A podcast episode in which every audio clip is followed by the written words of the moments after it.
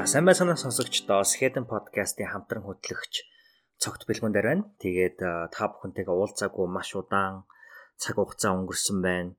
Энэ удаагийн дугаар маань хамгийн онцгой мэдээж хэрэг уулзаагүй уузнаас гадна би Монголд ирснээс хойш яг Skeleton podcast дээр подкаст хийлүү яалаа.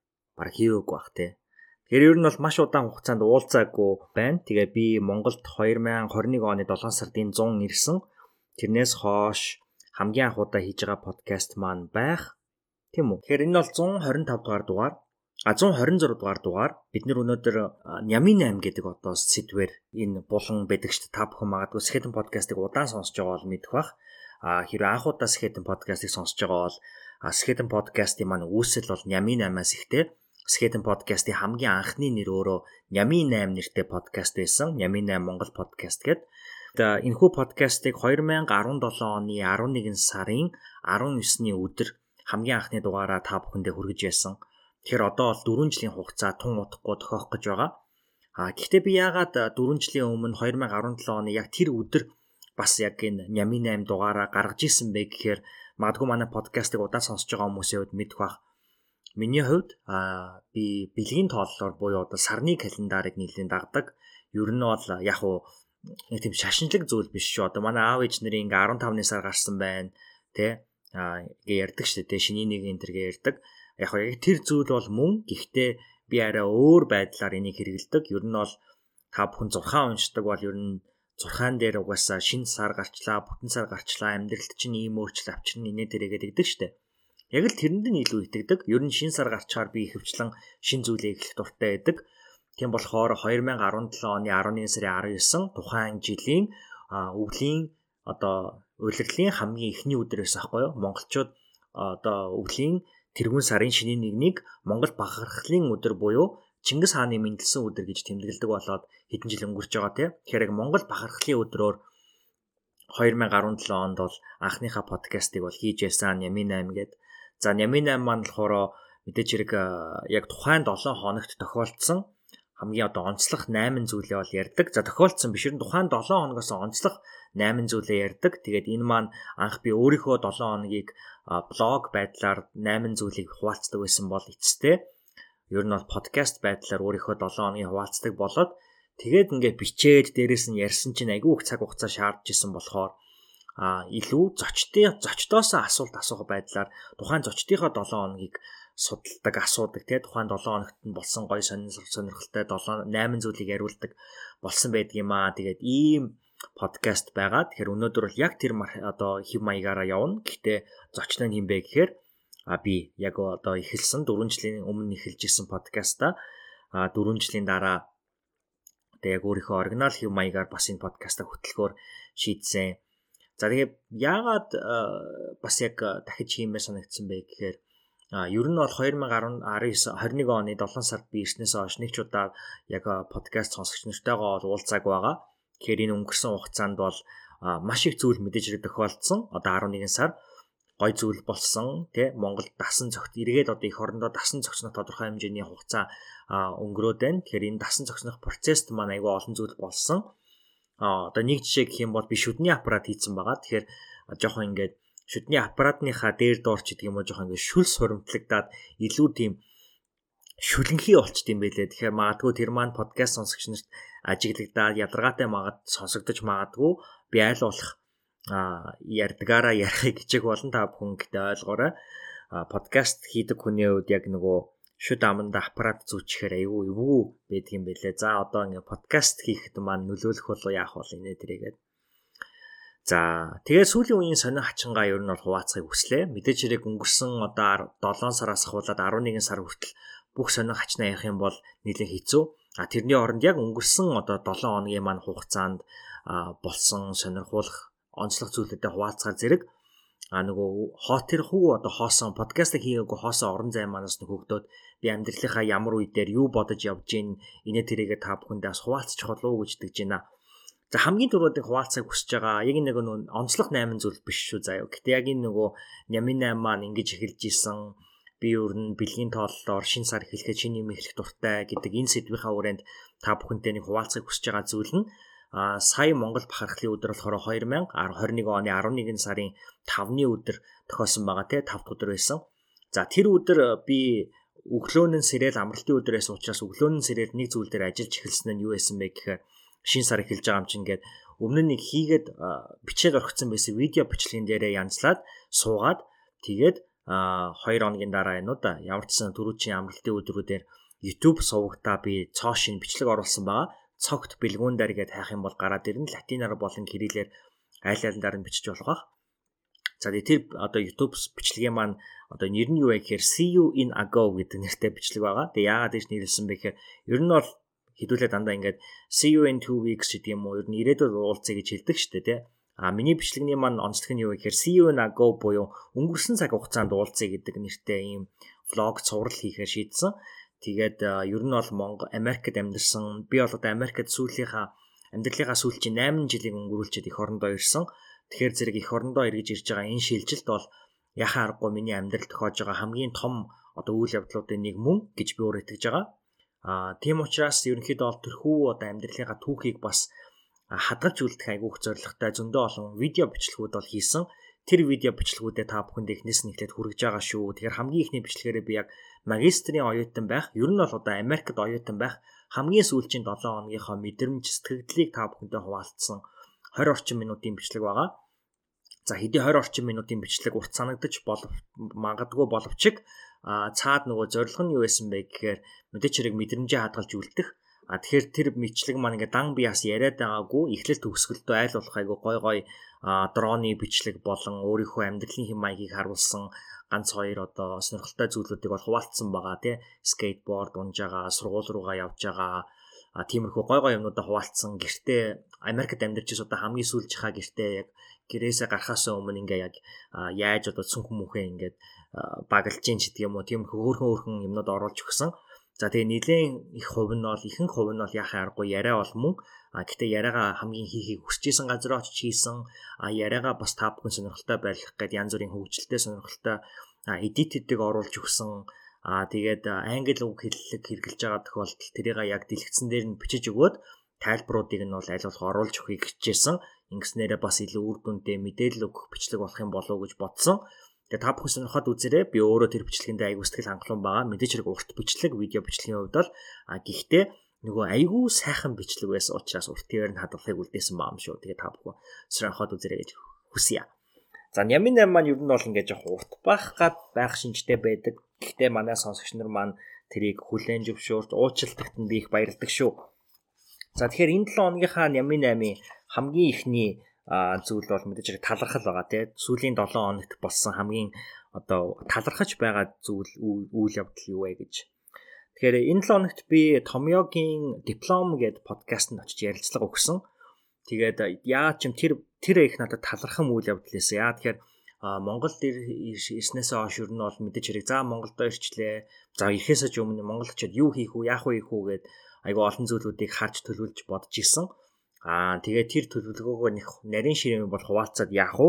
Гэхдээ ямар ч хэсэн диплом подкастн дээр оролцох тэр боломж маань бас нэг өөр боломжийг нээж өгсөн. Тэр боломж нь Томьёотой холбоотой юу байх вэ гэдгийг би хэрэг хүч хөдөлмөрөөр оруулан зарцуулна гэдгээс харах бах. Тэгэхээр та бүхэн Томьёог дагаад, намайг дагаад Instagram дээр цогт бэлгүүн дээр гээд хаяг маань байгаа. YouTube дээр цогт бэлгүүн дээр гээд хаяг маань байгаа. Ер нь хаасайгу цогт бэлгүүн дээр байгаа.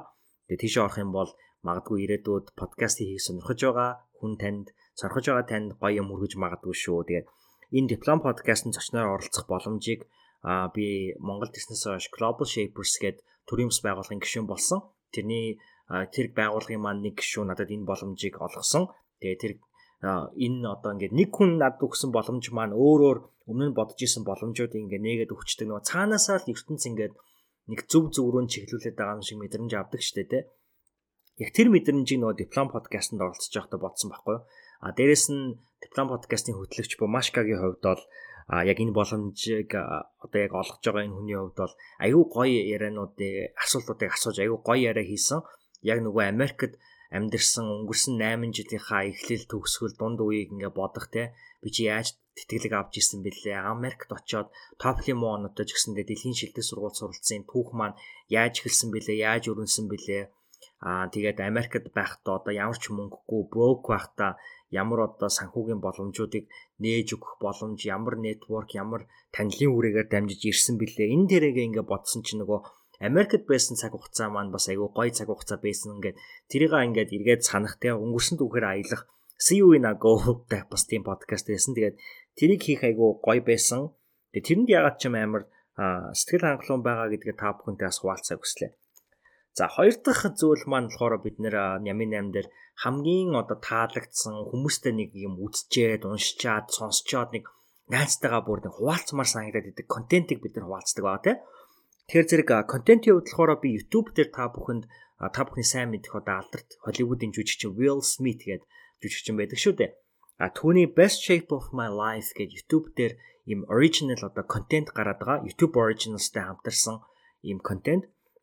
За тэгээ энэ контентын одоо энэ шоуны энэ нэвтрүүлгийн одоо олон ангитай нэвтрүүлэг байгаа. Би сая 6 дугаар ангийг нь яг өнөө өглөө буюу а энэ ям гарагт сонс үзчээд бас амар сэтгэл хангалуун байж байна. Тэгээ энэ бичлэг энэ одоо шоуны та бүхэнд өгж байгаа амлалт нь юу вэ гэхээр ямар ч хэсэн ингээд Will Smith бол ингэж эхэлж байгаа. Will Smith болохоор одоо нэг 100 кг жинтэй нэвтрүүлгээ эхэлж байгаа. Тэгээ нилээн одоо өөрийнхөө амьдралдаа байсан хамгийн тарган дээрээ байгаа. А угаасаа хамгийн сүүл тоглосон кинон дээр нилээн таргалах хэрэгтэй байсан. Дээрээс нь яг тэр кинонд тоглоод байжсэн чинь COVID-19 болоод мэдээж нөгөө нэг цар тахлаас үүдээд гэр орондоо байх те карантинаас болоод өсө хүн болгон карантинд таргалсан байгаа шүү. Тэрнтэй адилхан Will Smith ч гэсэн таргалсан.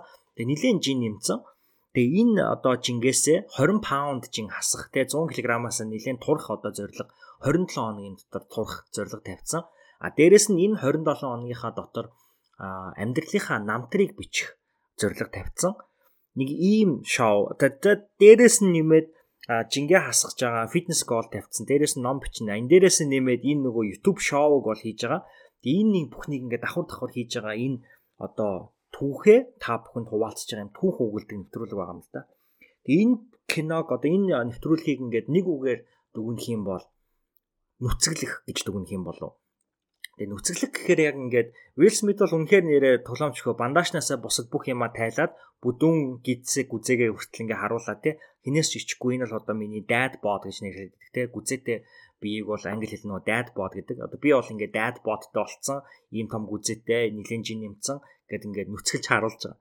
А гэхдээ яг үүндээ тэр бол жинхэнэ нүцгэлт нь биш. Жинхэнэ нүцгэлт нь хаана исэн бэ гэхээр Will Smith бол ингээ та бүхэн мэдх юм бол аа YouTube сумуугийг ингээд үздэг бол нэлийн хөвгчлээ айгүй одоо шогчтэй тийм залуу тийм одоо 50 идтэй тэгээд тэр нэвтрүүлэг дээр болохоор сэтгэл зүйч айгүй чухал үргийг тэр нэвтрүүлэг дээр гүйцэтгэдэг. Би энийг нөгөө ажлынхаа найзуудтай хаваалтчихсэн чинь 5 наснуудын нууцлаг ертөнцтэй айгүй төстэй юм байна гэдэг жисэн аахгүй юу. Тэрэн дээр ингээд хүүхдүүд ингээд нэг одоо тоглоомоо булаацдаг ч юм уу ямар нэг юм болонгууд сэтгэл хүүхдийн сэтгэл зүйч яагаад ингээ хүүхдүүд тоглоомоо булаацалтж байгаа ямар хөгжлийн шатн дээр хүмүүс байгаа тайлбарладаг штэ. А яг тэрнтэй адилхан Will Smith-ийн одоо яагаад ингээ амар шогч байгаа даа тий гэдгийг нь ингээд тэр сэтгэл зүйч тайлбарладаг. Одоо шогчтой жишээ авах юм бол Will Smith бол ингээд өөрийнхөө амьдралд байгаа айгүй хэцүү даваасаад бэрхшээлүүдийг хүмүүст а би одоо энэ миний амьдралд байгаа даваасаад бэрхшээлүүд нь хэцүү зүйл биш шүү гэж одоо итгүүлэх гээд амьдрал болж байгаа хэцүү зүйлүүдэд наа юм тоглоом шоглоом болгож ярьдаг. Тэгээ өөрөө тэрэндээ инээж хөхөрдөг. Гэтэл цаагаараа өөрийнхөө нөгөө зовж байгаа дотроо ингээд сэтгэлийн шаналтай байгаагаа нуудаг гинэлтэй. Тэгээ ер нь бол team хандлага зөвхөн Will Smith гэхгүй хүн болгонд одоо дандаа ингээд шогч те амьдралыг дандаа ингээд шоколад ядаг хүмүүсээс team хандлага ажиглагддаг гэд тэр сэтгэл зүйч ярьж байгаа. А дээрэс нь Will Smith бол үнэхээр ингээд амжилтын төлөө зүтгэдэг. Өөрийгөө ингээд тултал нь өөрөөсөө гарч болох шүүсээ ингээд тултал нь шахдаг. Тэгээд амжилтанд хүрэхин төлөө бүхнээ зориулдаг ийм төрлийн юм. Тэгээ яагаад ийм төрлийн юм байгаа вэ гэсэн чинь гэр бүлээсэн болсон.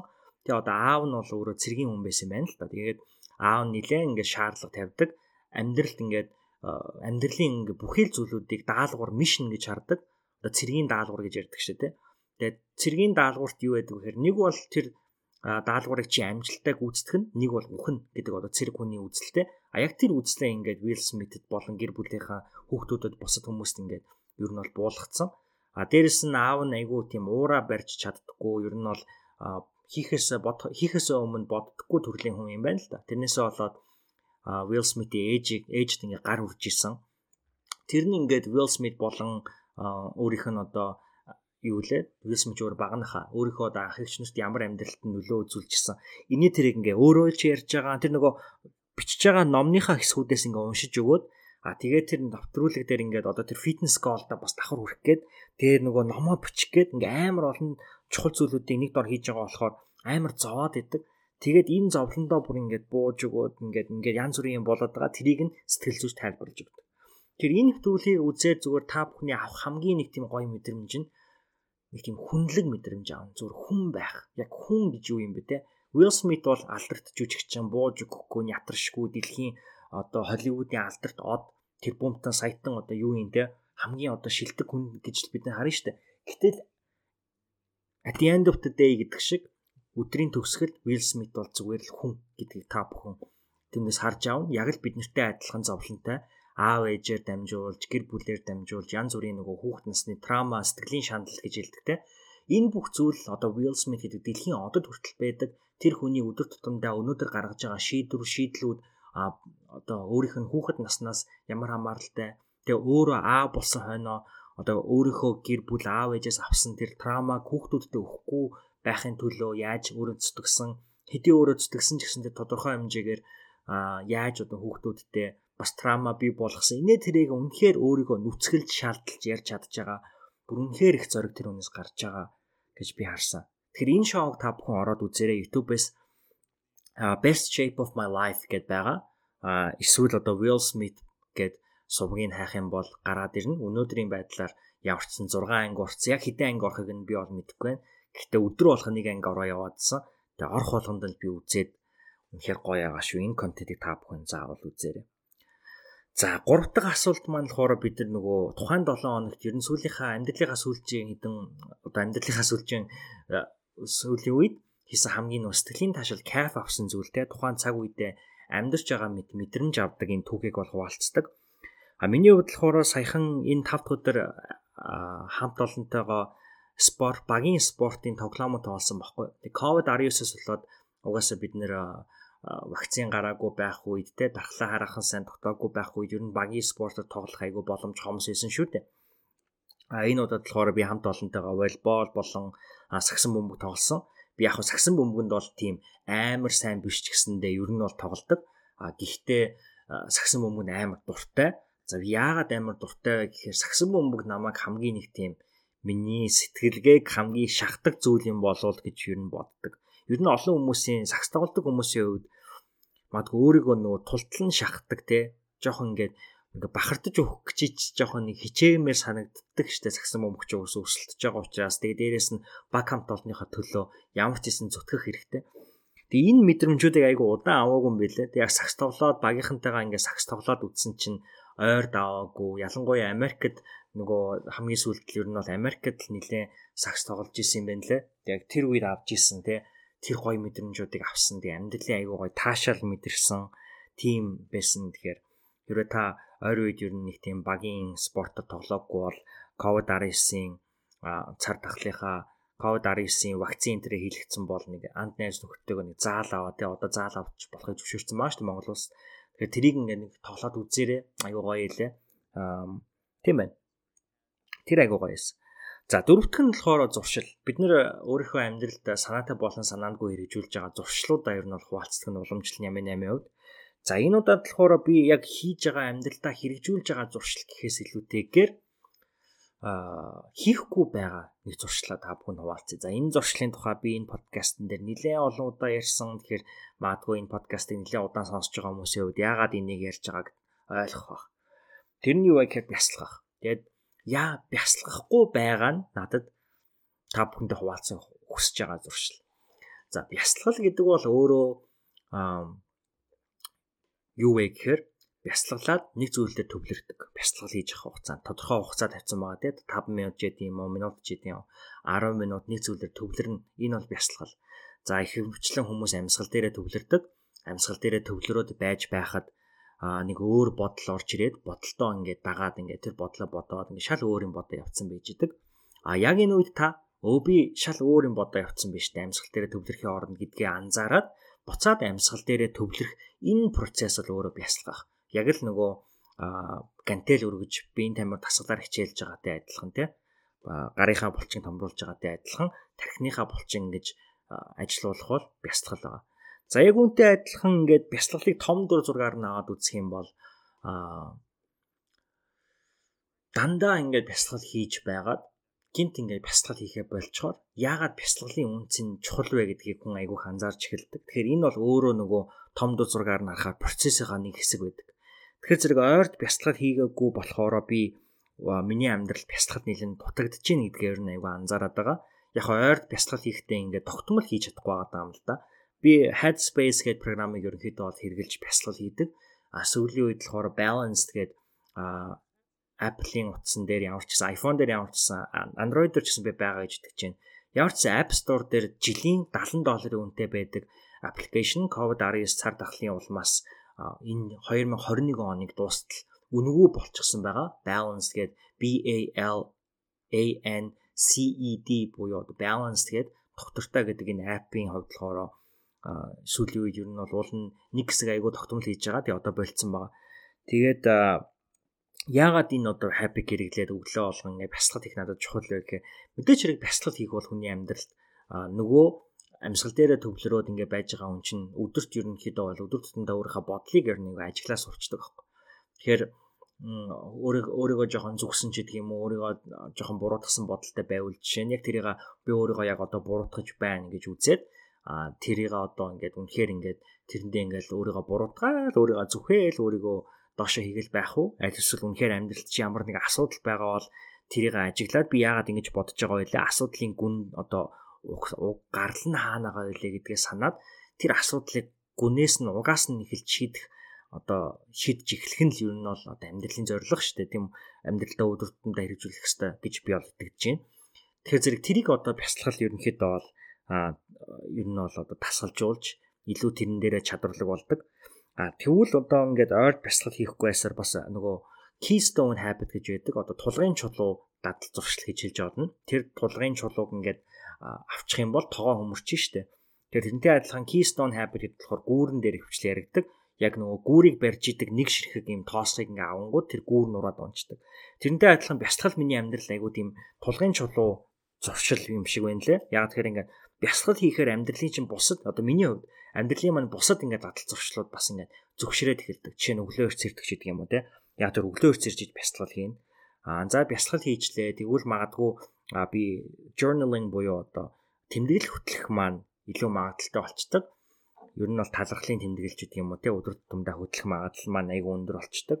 За тэгээд бясалгал хийгээд инээ дээр ахаар тасал хөдөлгөөнөө хүртэл айгүй сайн гэдэг. Яг тэр өглөө өрцөрсөн учраас цаг хугацаанд бий болчихж байгаа. Ер нь өглөө тасал хийх дуртай ч гэдэг юм уу те. Эсвэл өглөө өөр зүйлээр амжуулаад оройны цаг чинь ингээд чөлөөтэй болчингууд оройдоо тасалаа хийждэг ч гэдэг юм. Тэгэхээр хүн болгоны хувьд тэр нөгөө keystone habit буюу одоо тулгын чулууд дадал зуршил бол өөрөөдөг. Миний хувьд бол бясалгал юм шиг байна. Тэгээд хамгийн чухал нь болохоор ер нь биднэрт одоо alone time буюу ганцаараа байх цаг хугацаа айгаа чухал. А мэдээж хэрэг одоо бусад хүмүүстэй өөр хүнтэй хамт амьдарч байгаа тохиолдолд бол хамт амь өөрийн гэсэн орон зай бол бүр чухал. А гэтээ ингээ өөрийн гэсэн орон зайг бол бид нэр өдөр тутамдаа ер нь эн тэндээс л олж байгаа шүү дээ. Уул нь ингээ гадуур алхаж явах та ч гэдэг юм уу. А ямар нэгэн байдлаар бол өөртөөгөө байх орон зай бол олдохын хувьд бол мэдээж хэрэг олдож байгаа ганцаараа байгаа цаг хугацаа. А гэтээ би яг юу хэлээд байна гэхээр яг нөгөө өөрөө өөртөөгөө өөрийнхөө бодолтойгоо хоёр одоо ганцаархнаа байх. За бодлоо нэг хүнгээ аваад үзчих юм бол яг өөрийнхөө бодолтойгоо хоёулахнаа байх цаг хугацааг хүн өөртөө өгөх хэрэгтэй. Тэгээ тэр одоо орон зайг би өөртөө бий болгох нь чухал шүү гэдгийг ер нь мэдээд байгаа. Тэгэхээр энэ подкастыг өнөөдөр бичээд би өөртөө бас бясалгал хийх чухал шүү бэлгүүнэ гэж өөртөө сануулад байгаа дээ. За тавтах нь болохоор нөлөө. Нөлөө гэдэг нь болохоор бид нэр амьдралдаа энэ 7 хоног ч гэдэм үү сүүлийн амьдралынхаа сүүлчийн хэдэн мөчөд ер нь амьдралч хамгийн их нөлөө үзүүлсэн үнийг бол ярьдаг. Эсвэл нөлөө үзүүлсэн ямар нэгэн үйл явдлыг. За миний хувьд болохоор миний нэг ойр дотны хүн надад нэг шүүмжлэх хүсье. Тэр шүүмжил нь юу вэ гэхээр жоохон даруухан бай гэдэг шүүмжил. А миний хувьд ингээд айгүй тийм онгороо хүүхэд ер нь 10 жилдээ ялангуяа ахлах ангидаа жоохон онгороо болчихсон байсан. Тэгээ оюутан болоод гадаад дотоодын янз бүрийн хүмүүстэй хамт сураад эхлэнгүүд а би чи ер нь нэг тийм том хүн биш юм байна би чинь тэгэл тэ жижиг өчүүхэн ламтын юм биш гэдэг мэдрэмжийг ер нь авцсан. Тэгээд яг тэр нөгөө ангиро саксуу зангаа уул нь нилээ хайцсан гэж тэгдэг. А гэтэл хүнд бас байсаар л үт юм байна л да. Арай амьдралын нэг тийм жижиг сажиг зүйлүүд дээр. Тэгэнгүүт жишээ нь тэр дотны юм маань надад яагаад энэ жоохон даруухан бэ гэдэг зөвлөгөө өгсөн бэ гэхээр би ингээд хүнд ингээ ямар нэгэн зүйл дээр тус хүргэхээр ялангуяа одоо хийж байгаа ажил бүтээл дээр нь ингээ тус хүргчээд тэр хүн нь ялангуяа тэр одоо миний тус хүргэсэн бүтээлийг өөр хүмүүст ингээ хуваалцаад тэр хүмүүсээсээ фидбек буюу одоо сэтгэгдлийг хүлээж аваад тэгээд тэр сэтгэгдлийг нь би сонсох амар дуртай байхгүй. Тэгээ ингээд хүн тусалчаад ер нь очиод за миний нөгөө тусалсан юм чи яаж юм энэ төр гээд ингээд асуух дуртай. Тэгээд яг хуу шүүмжлэл гэхээс илүү би яг энэ асуултыг асуухтаа айгу нөгөө өөртөө ихтэй миний хийсэн юм айгу гоё болсон баг. Мэдээч яг хуу би ингээ өөргөө нэг буруутгаагүй шүү. Мэдээч хэрэг би ингээд өөрөө айгу сэтгэлээсээ хандаа тэр хүнд үнэхээр чадах чинээгээр тусалсан байдаг байх.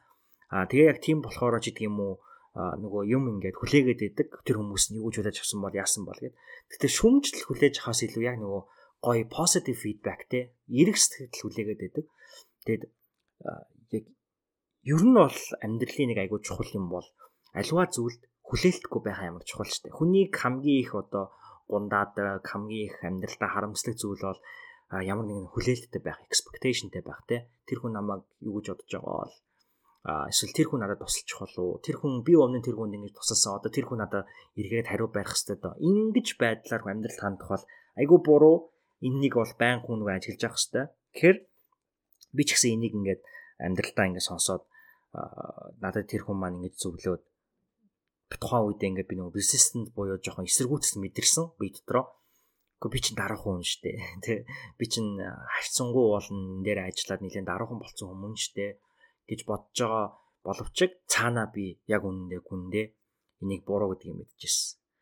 Тэгэхээр зэрэг яг энийг ингээ мэдчихээд байжс ахгүй юу. Тэг дөрөвт өдрөөс яг энэ зөвлөгөөг энэ 7 хоногийн дөрөвт өдөр энэ зөвлөгөөг хүлээж авсан. Тэгээд байжсэн чинь оройн нь би Монгол улсын дөрөвт ерөнхийлөгч цахагийн элбэгт орчтой хийсэн элбэгт орч залуучуудтай ирж уулзсан уулзалтан дээр очиж яриа сонсох боломж гарсан. Тэгээ тэр боломжийн дунд боломжтой очиод байжсэн чинь ерөнхийлөгч элбэг дорж юу гэж хэлсэн бэ гэхээр ер нь элбэг дорж ерөнхийлөгчийн хүмүүс нэг байнга өгдөг зөвлөгөө нь миний ажиглалтаар одоо өрсөлдөгчөөсөө ер нэг алхамд илүү алхах гэж зөвлөдөг.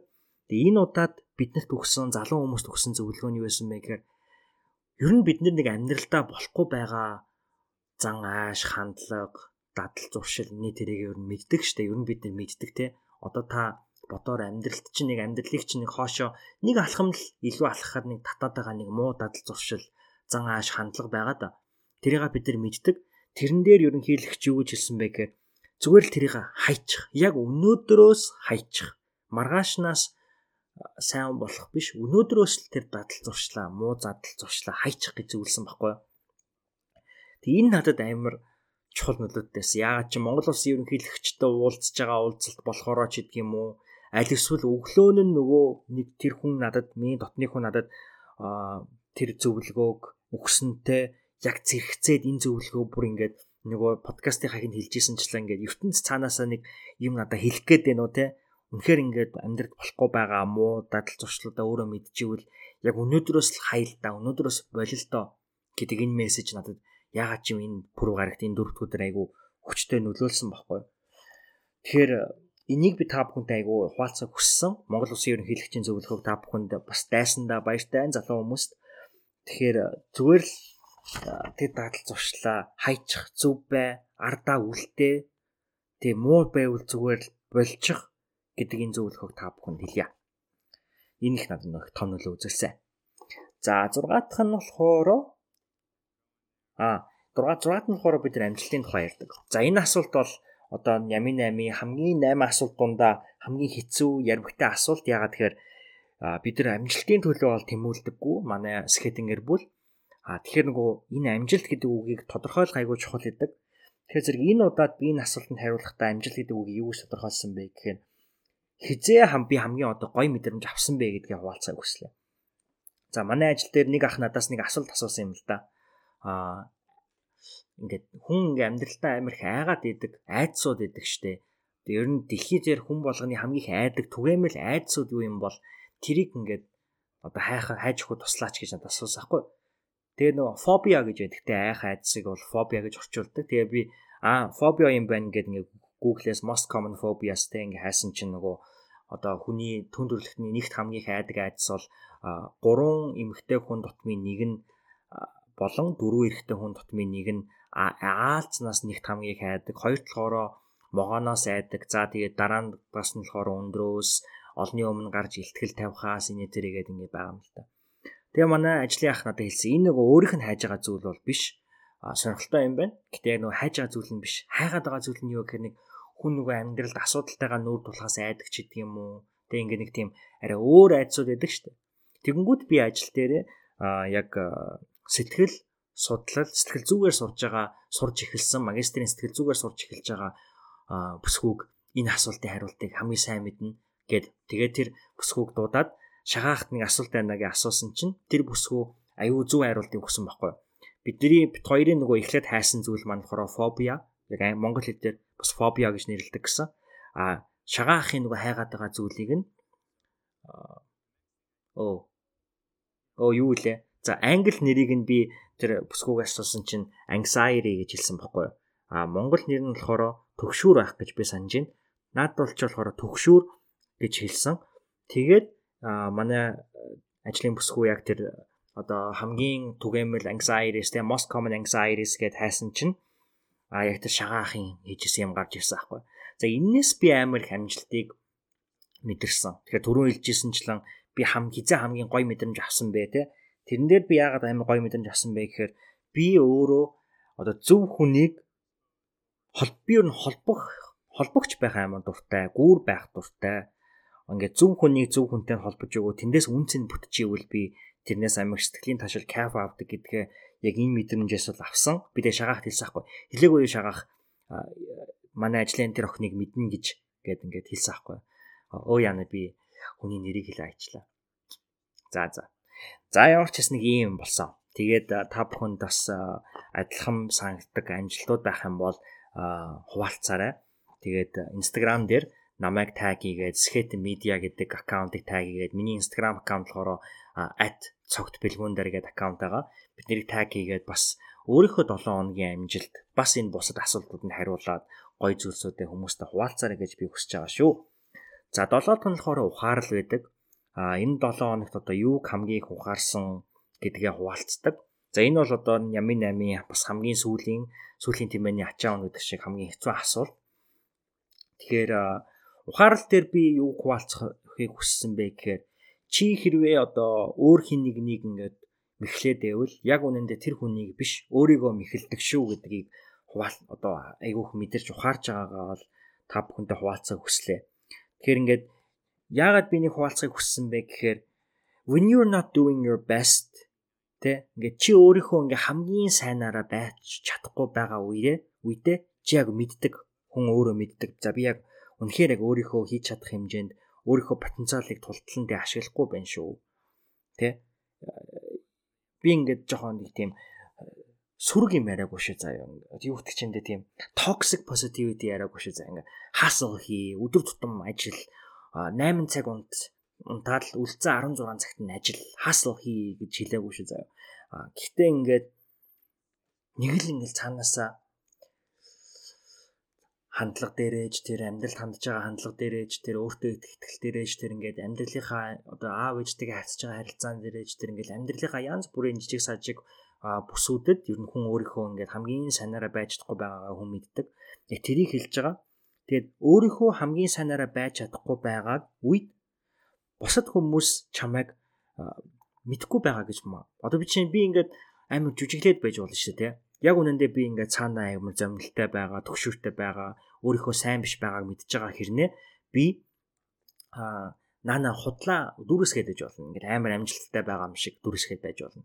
А гэтээ энэ тохиолдолд чи бусдыг хуурж байгаа юм болов уу гэж бодонгод бас үгүй. Ягаад тэгэхээр бусад хүмүүс мэдэрдэг чаан худлаа ашиглаж байгааг нөгөө үдсэн Will Smith-ийн докюментари нэвтрүүлэг дээр гарч байгаатай адилхан тий өөрийгөө ингээл нуулж далдлаад өөрийнхөө жинхэнэ мэдрэмжийг нуугаад ах юм бол бусад хүмүүс мэдэрдэг.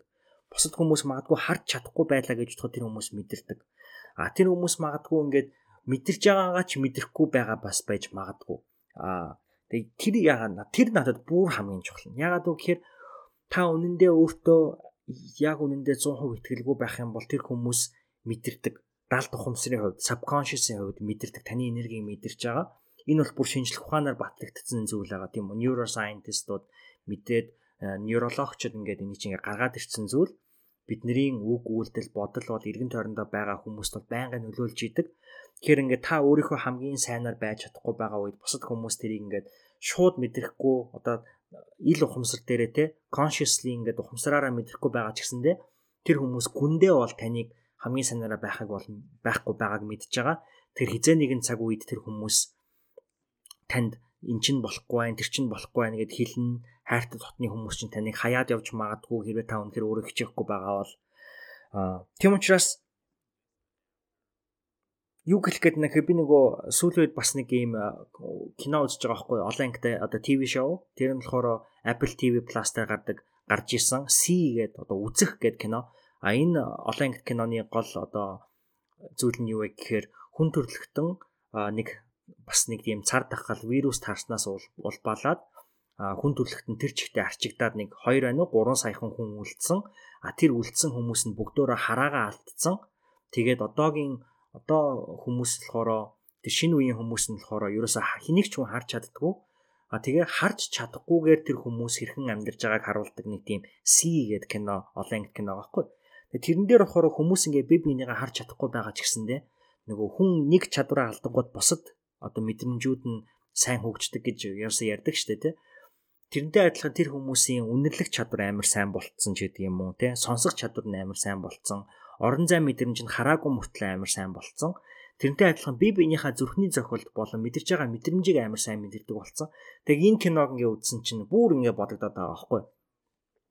Бидний мэдэрч байгаа мэдрэмж таны гаргаж байгаа гаднаа гаргаж байгаа хандлага те гаднах үн үзмж гаднах зүйл үнэн байдаггүй. Цаана та худлаа байж магадгүй.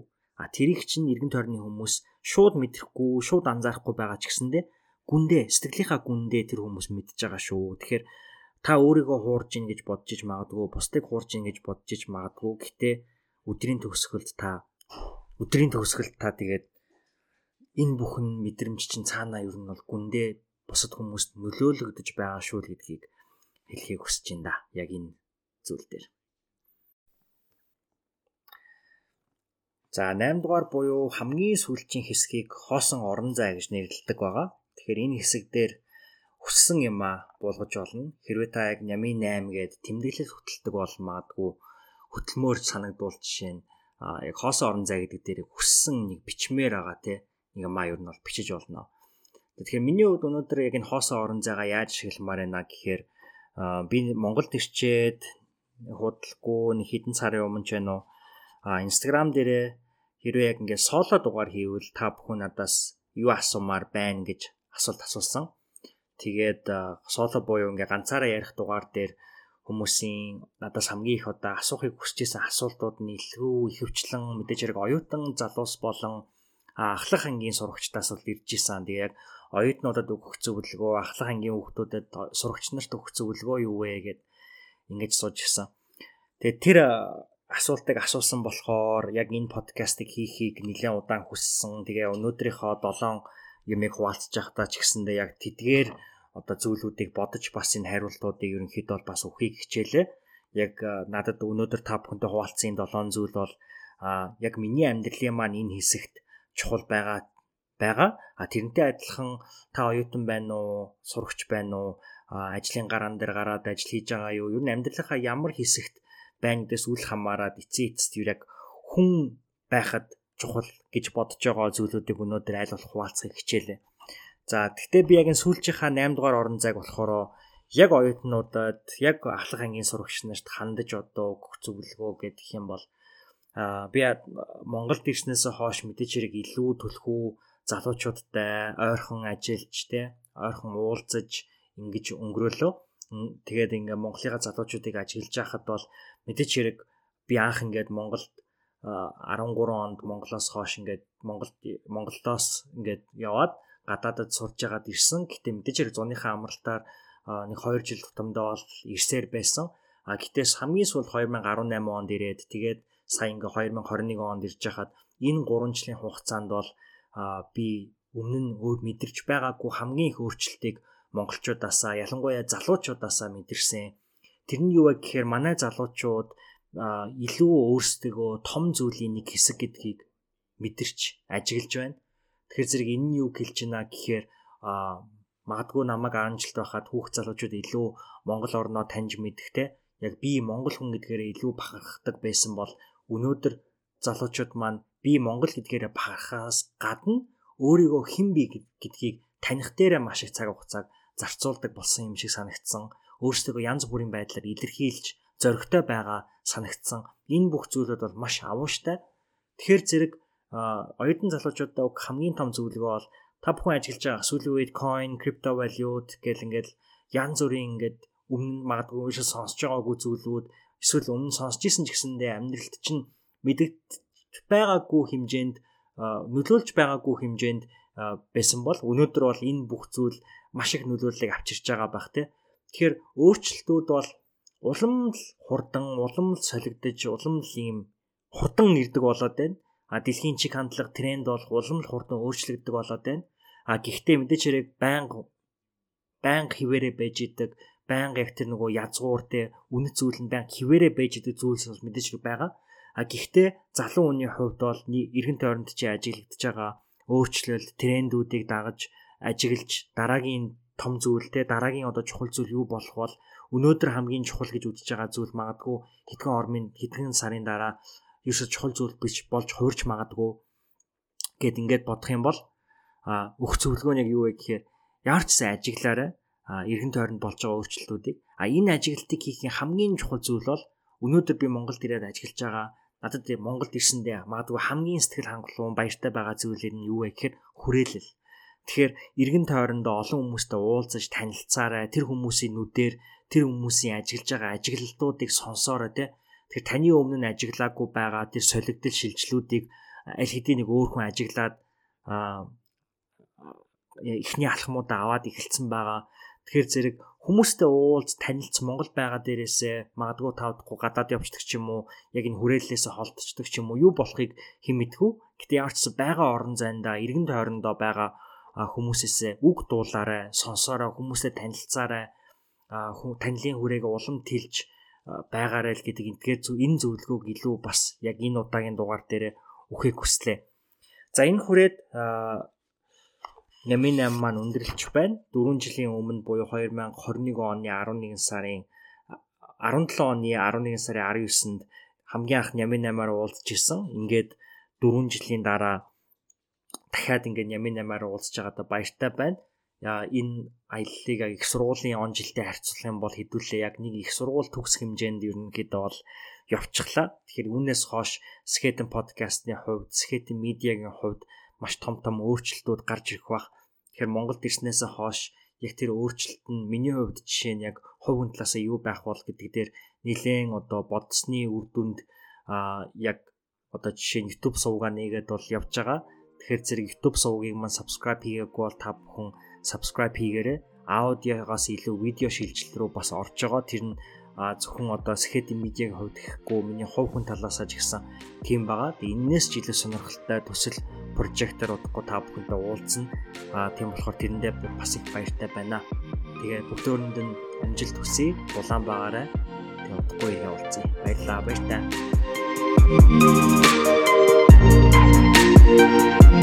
Thank you.